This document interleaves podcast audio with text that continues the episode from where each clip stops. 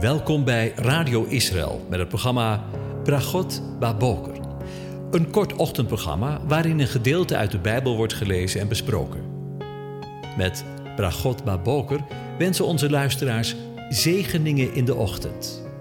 Presentator is Kees van de Vlist.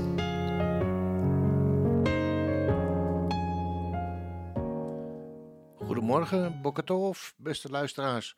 Vanmorgen gaan we weer verder nadenken over Psalm 98 en ik lees de eerste vier versen aan je voor. Een psalm. Zing voor de Heere een nieuw lied, want hij heeft wonderen gedaan. Zijn rechterhand en zijn heilige arm hebben hem heil gebracht. De Heere heeft zijn heil bekendgemaakt en zijn gerechtigheid geopenbaard voor de ogen van de heidevolken. Hij heeft gedacht aan zijn goede tierenheid en trouw voor het huis van Israël. Alle einden van de aarde hebben gezien het heil van onze God. Juich voor de Heere, heel de aarde, breek uit in gejuich.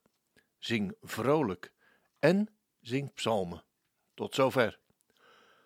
Over herinnering gesproken. Na de lofzang op de eeuwige gisterochtend willen we weer verder nadenken over deze indrukwekkende psalm.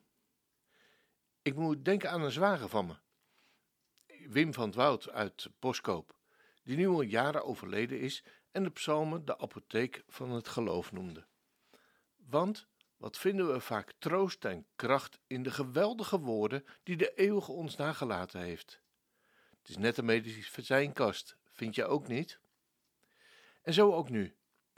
Hij heeft gedacht aan zijn goede tierenheid en trouw voor het huis van Israël. In het Hebreeuws lezen we: Hij herinnert zich. Het Hebreeuwse woord voor herinneren is zakar. En dat wordt het eerst gebruikt in Genesis 8, vers 1.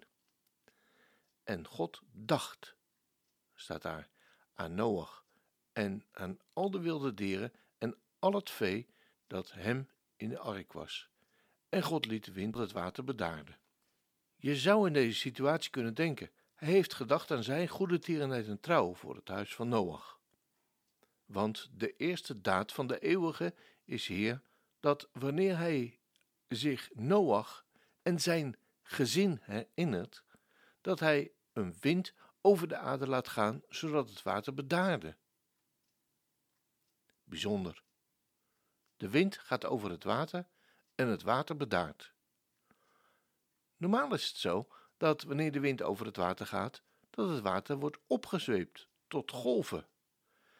Maar er wordt hier een geweldige les geleerd dat, in de breedste zin van het meest stormachtige oordelen, er mensen zijn die veilig blijven, geen kwaad vrezen. In Psalm 98 wordt hier heel specifiek Israël zijn volk genoemd. Hoewel het water buiten is, is er een rots waarop Israël en wij veilig kunnen staan, boven op de hoogste golf. En waarom dacht God aan Noach? Waarom dacht en denkt God aan Israël en aan jou en mij? Gewoon, zou ik eigenlijk willen zeggen. Gewoon omdat het zelf zijn uitgekozen volk is. En gewoon omdat we zijn uitgekozen kinderen zijn. Niks meer en niks minder. Inderdaad, Noach werd door de eeuwige rechtvaardig genoemd. Maar niet omdat hij zo zonderloos was. Want hij was nog maar net uit de ark en hij ligt spiernaakt en dronken in zijn tent. Maar laten we niet neerkijken op Noach en waarom denkt God aan Israël zijn volk? Omdat zijn volk zo, zo gehoorzaam is aan de eeuwige? Ach, we weten wel beter. We hoeven niet achter Israël te gaan staan, omdat het allemaal zulke geweldige mensen zijn en het allemaal zo geweldig doen. Maar we hebben Israël lief omdat God het volk lief heeft. Gewoon. Daarom. Onvoorwaardelijke liefde. En noem mij een reden waarom hij aan ons denkt, aan jou en mij. Gewoon. Omdat hij van zijn kinderen houdt. En omdat we zijn kinderen zijn. Want al zo lief heeft God de wereld gehad. Het was en is geen vriendjespolitiek of willekeur. Noach, Israël en wij zijn allemaal niet van die geweldenaars die zonder zonde zijn. Maar we zijn gerechtvaardigd en rechtvaardig in de enige rechtvaardige die ooit op deze wereld geleefd heeft. Jezus de Messias. Yeshua HaMashiach. Noach werd herinnerd in de ark, omdat hij Gods waarschuwing had geloofd, en zo werd hij erfgenaam van de gerechtigheid die door het geloof is. Lezen we in de Hebreeënbrief. Wie hun toevlucht nemen in de ark, worden nooit door hem vergeten. Zelfs niet als de wereld verdrinkt. Niet in de tijd van Noach.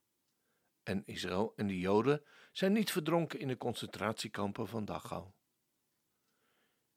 Er was opnieuw sprake van een overblijfsel, waarvan nu alweer 17 miljoen mensen leven in het land van de eeuwige. En zijn door hem niet vergeten. Ze leven in zijn hart en ter zijner tijd zal hij laten zien dat hij aan hen gedenkt. En ook nu, anno 2021, waarin we opnieuw, als het ware, sprake is van een zondvloed. Een vloed van zonde over de wereld die rondwaart. Ook nu is er een ark. Jezus, de Messias. Yeshua, HaMashiach, waarin we veilig zijn. Israël en wij. En ook nu zal God een wind, de wind van de Heilige Geest, over deze wereld laten waaien, waardoor het water dat de wereld bedreigt, zal bedaren.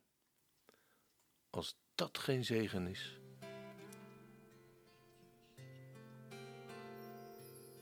God van trouw,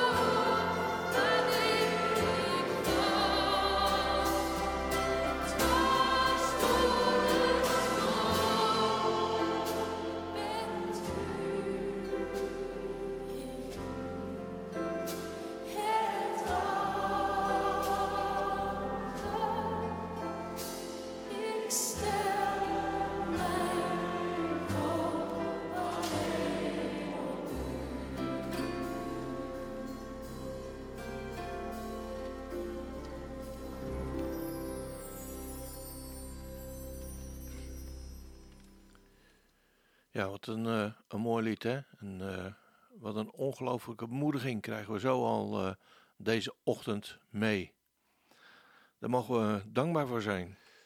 En er rest ons niet meer dan afscheid van elkaar te nemen en elkaar God zegen toe te wensen. De Heer zegene en hij behoedt je. De Heer doet zijn aangezicht over je lichten en is je genadig. De Heer verheft zijn aangezicht over je en geeft je zijn vrede, zijn shalom. Amen.